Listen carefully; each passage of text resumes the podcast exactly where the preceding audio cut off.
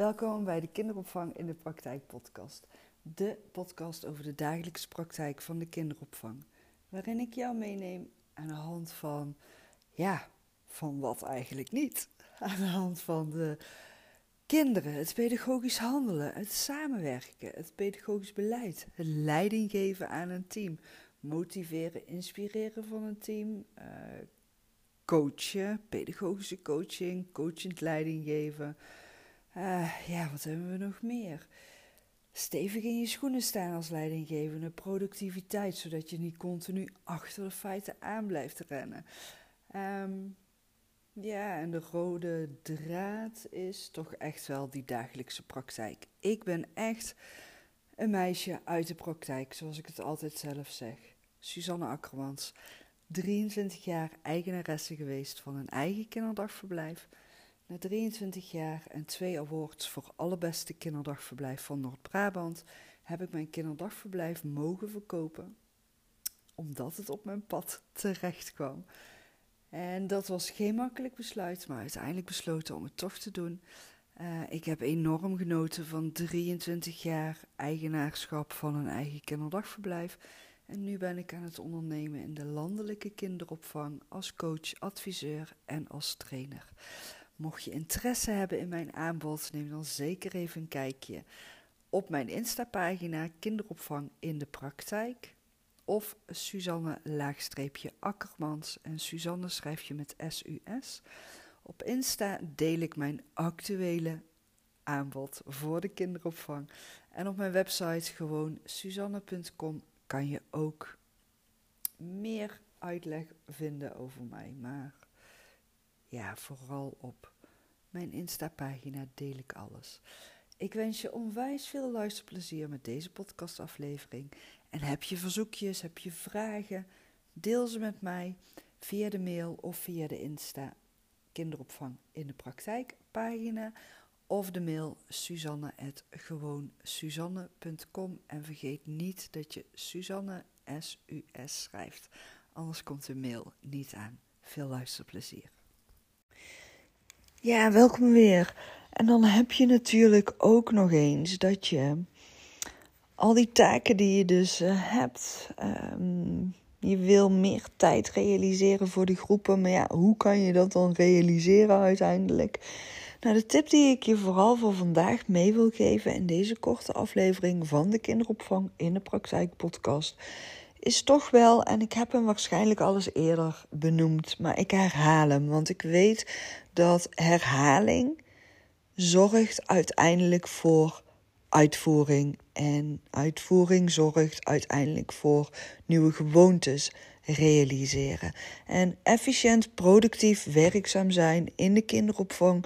Ook daarvoor is het nodig dat je oude, vertrouwde patronen, gewoontes gaat leren doorbreken en omzetten in nieuwe gewoontes die jou wel vooruit helpen. En niet alleen jou vooruit helpen, maar ook jouw teamleden vooruit helpen. En wat dan heel erg belangrijk is, is dat je gaat leren kijken naar wanneer doe ik wat en hoeveel tijd kost mij dat. Wanneer doe ik wat en hoeveel tijd kost mij dat? We denken namelijk heel erg vaak dat we, nou ja, overmoedig, wel twintig dingen kunnen doen. en ik weet niet eens, misschien heb ik het pas geleden dit ook al een keer met jou gedeeld. Maar nogmaals, kracht van herhaling is dat er verandering ontstaat. Kijk maar naar de kleine kinderen. Kleine kinderen leren door herhaling. Doe je ook 30, 40, 50, 100 keer hetzelfde liedje zingen. En ze kunnen het uiteindelijk zelf zingen. Zo is dat ook met wat ik nu met jou aan het delen ben. Kracht van herhaling, waardoor jij oude patronen, oude gewoontes kunt gaan afleren en kunt gaan omdraaien naar nieuwe succesresultaten dankzij nieuwe gewoontes toepassen in jouw dagelijkse werkzaamheden. Dus wanneer doe je wat en hoe lang ben jij met dat wat je doet bezig? Ga gewoon eens beginnen met dat voor jezelf bij te houden. Wanneer doe je wat en hoe lang ben je met dat bezig? Alles wat je op een dag doet, ga eens bijhouden hoe lang jij met één taak bezig bent. Hoe lang ben je bezig met mailtjes beantwoorden? Welke dagen ben jij hoe lang bezig met mailtjes beantwoorden? En van wie zijn die mailtjes? Waarover gaan die mailtjes? Hoeveel tijd besteed je daaraan? Wanneer ben je bezig met telefoon aannemen? Wat voor telefoontjes zijn dat? Hoe lang ben je bezig met het beantwoorden van al die telefoontjes? Even een slok water.